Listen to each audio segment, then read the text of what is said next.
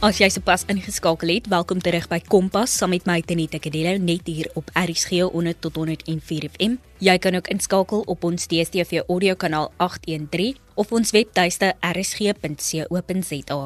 In vanaand se hersieningsepisode kyk ons na die vak fisiese wetenskap en Marius Diergaard, adjunkhoof onderwyskundige vir fisiese wetenskap, is op die lyn om ons meer te vertel oor wat matrikulante in die eksamen kan verwag. Vir die breek het Marius die twee formate van die vraestelle uitgelê, asook algemene wenke gegee vir leerders van hoe om voorbereiding te doen vir hierdie eksamen. Jy luister na Kompas op RSG.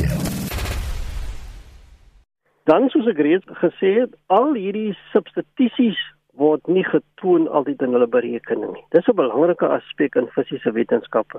Baie van die kandidate het nie die eenhede geskryf met hulle finale antwoorde nie. Sommige laat die onderskrifte weg in formules. Nou praat ons van formules byvoorbeeld F net wat gelyk is aan die massa maal die versnelling. Daardie onderskrif net, dit dui die netto krag aan. Dis baie baie belangrik om dit aan te dui. Dan wil ek graag verwys na wanneer jy berekeninge doen oor vertikale projektielbeweging. Is dit belangrik om te onthou ons werk met vektore en jy maak 'n keuse. Jy kies byvoorbeeld die opwaartse vektor as positief. Dan moet jy onthou vir daardie spesifieke som is alles wat afbeweeg negatief en jy moet daardie konvensie reg deur die som toepas. Dit wil sê die gravitasieversnelling sal dan negatief wees want dit werk af. Die volgende punt wat ek graag wil maak gaan oor vrye liggaam diagramme. Nou, die teken van 'n vrye liggaam diagram is 'n bekende verskynsel in ons vraestelle. Wanneer jy 'n vrye liggaam diagram teken of gevra word om een te teken, stel ek voor dat jy 'n sleutel gebruik langs die tekening om aan te dui waarvoor jou simbole staan. Want leerders, jy moet die kragte op die vrye liggaam diagram aandui en as jy sê FA is 'n krag, dan sit jy in jou sleutel dat FA beteken toegepaste krag. Byvoorbeeld, dan word daardie sleutel gebruik om jou diagram te merk.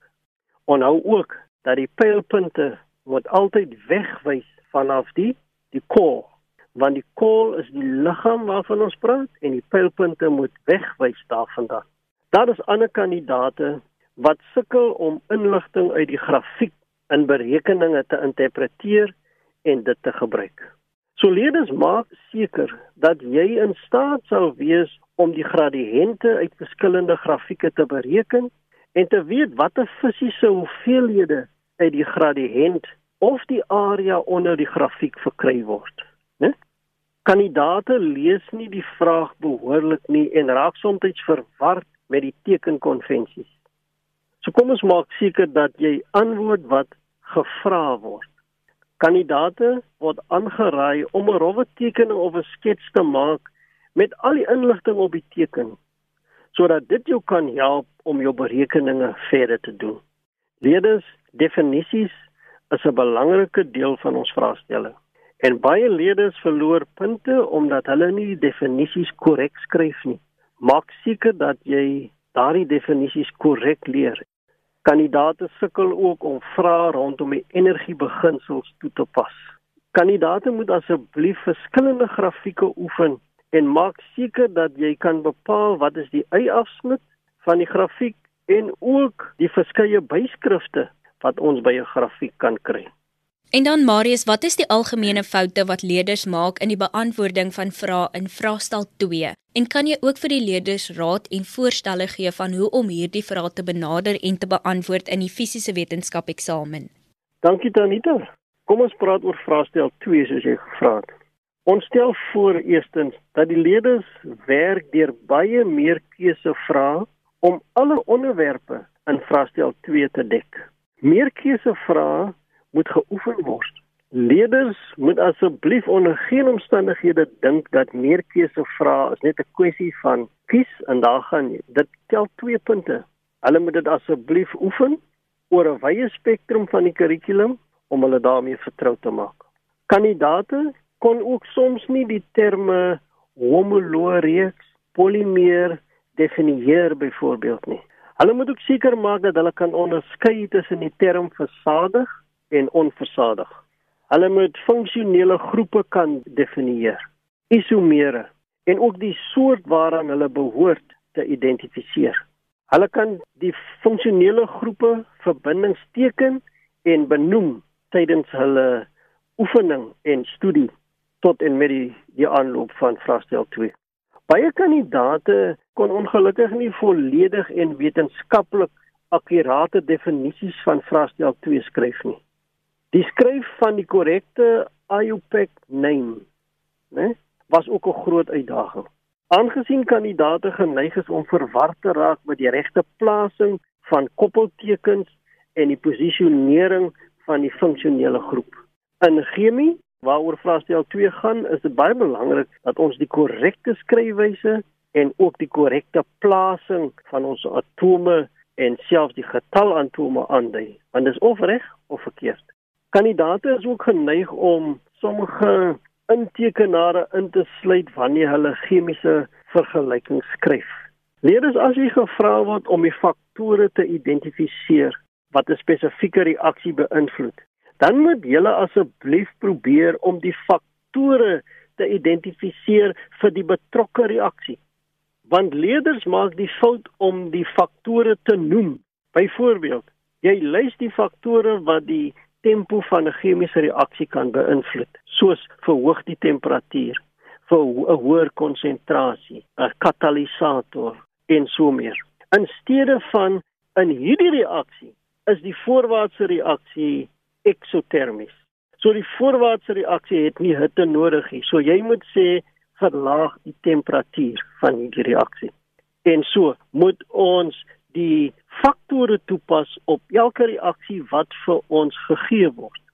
Bepaal eers die ewewigsreaksie se rigting waarin die ewewig sal skuif. Met ander woorde, leerders, kom ons bepaal eers in watter rigting skuif die ewewig vir hierdie reaksie indien ons enige van die faktore verander. As jy vind die reaksie skuif voorwaarts, dan al die stowwe wat op die produkte kant lê, sal dan verhoog word. As die reaksie in die terugwaarts skuif, sal al die reaktante, hulle sal dan verhoog word. So kom ons bepaal eers die rigting van die skuif en dan benoem ons die stowwe. Dit is belangrik dat ons die graad 11 stigiometrie goed verstaan en onder die knie het.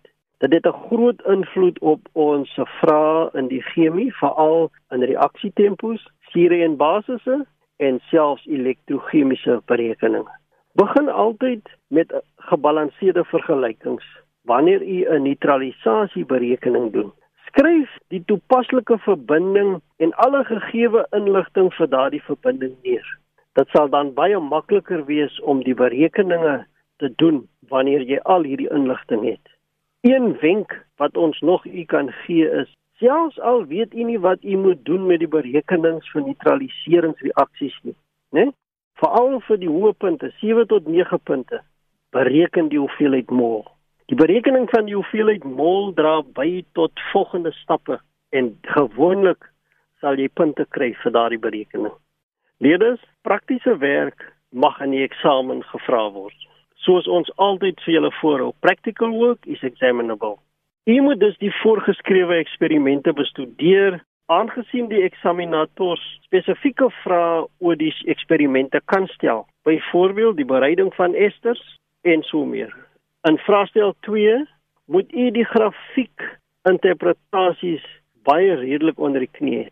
Grafieke is 'n algemene verskynsel in vraestel 2 en die aflees van die waardes op grafieke is van onskatbare waarde. Oefen dit so ver as moontlik asseblief. Sorg dat jy tyd spandeer aan elektrochemiese selle. Dit wil sê die galvaniese selle en ook die elektrolitiese selle. Maak seker dat jy weet wat is die energieomskakeling in elkeen van hierdie selle. Weet ook hoe die standaard reduksiepotensiaal tabel gebruik kan word om oksidasie en reduksie reaksies te verkry.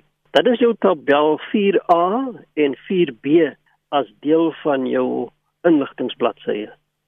Leerders, tydens jou studie gebruik hierdie formuleblad met al vier inligtingbladsye vir vraestel 1 en 2 saam met jou studie.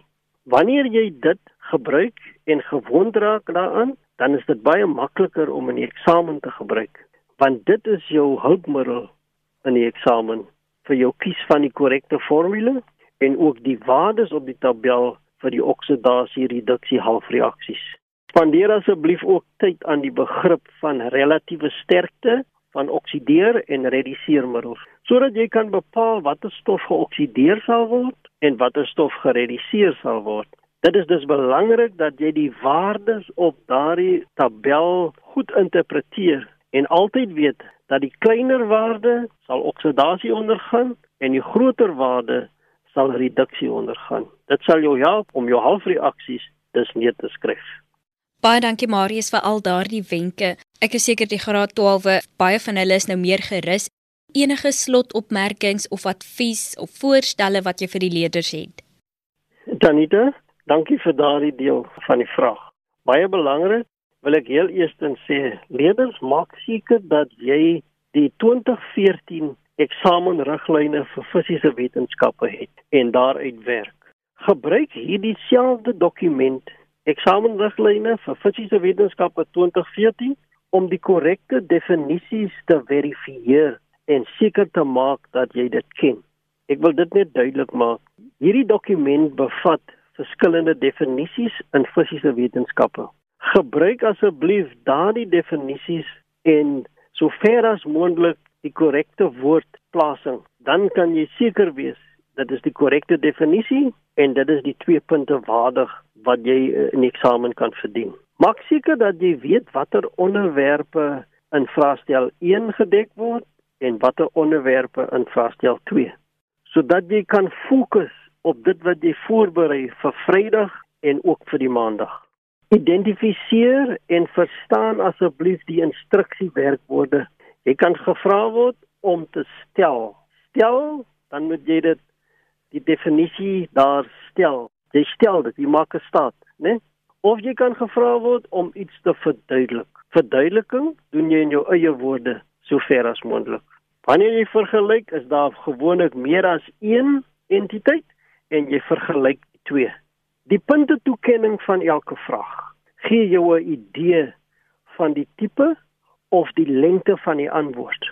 Jy moet byvoorbeeld nie 5 tot 6 minute spandeer aan 'n vraag wat 2 punte tel nie want die puntetoekenning gaan jou 'n idee gee van wat verwag word. Beantwoord al die vrae tydens die eksamen. Moenie leespasies agterlaat nie. Daar's geen keusevrae nie, so alles moet beantwoord word.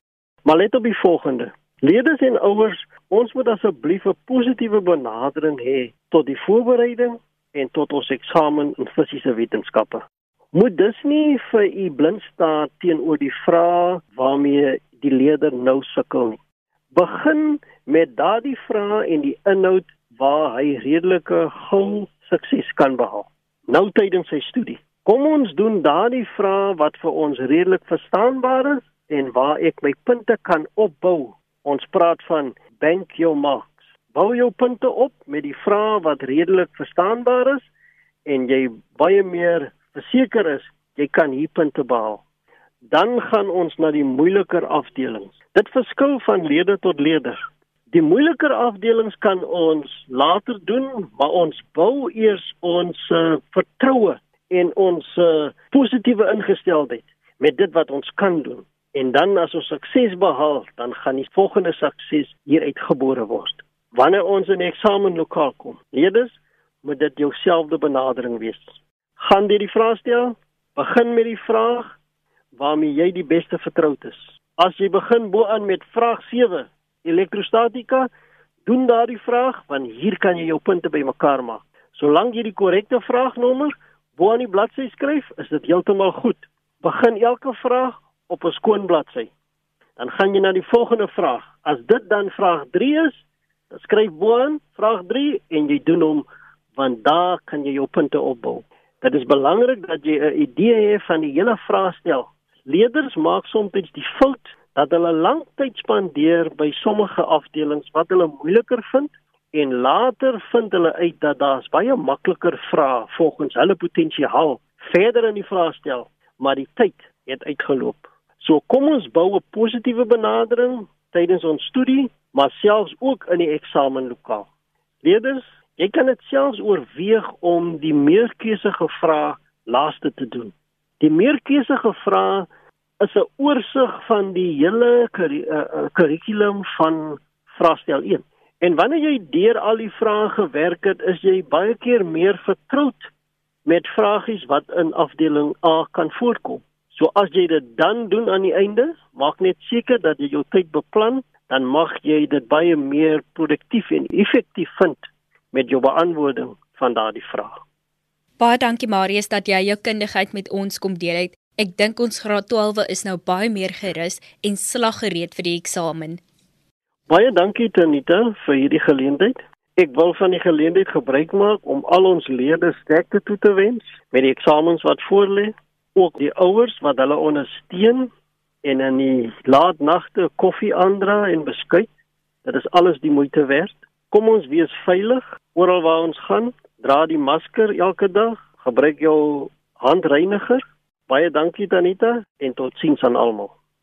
Dit bring dan Marius se kuier tot 'n einde. Dankie dat jy ingeskakel het en onthou indien jy enige navrae of terugvoer van vanaand se program het, kan jy SMS stuur na 45889 teen R1.50 per SMS of 'n e-pos na kedeloutz@sabc.co.za. Jy kan natuurlik ook die WKOD se webtuiste wced.eportal.co.za besoek waar daar talle studiehulpbronne en materiaal beskikbaar is. Kompas word aan jou gebring in samewerking met SABC Opvoedkunde en Percy Mogale was ons regisseur vir vanaand. Ek groet vir eers tot môre aand. Tot dan van my Tenita Kadello. Totsiens.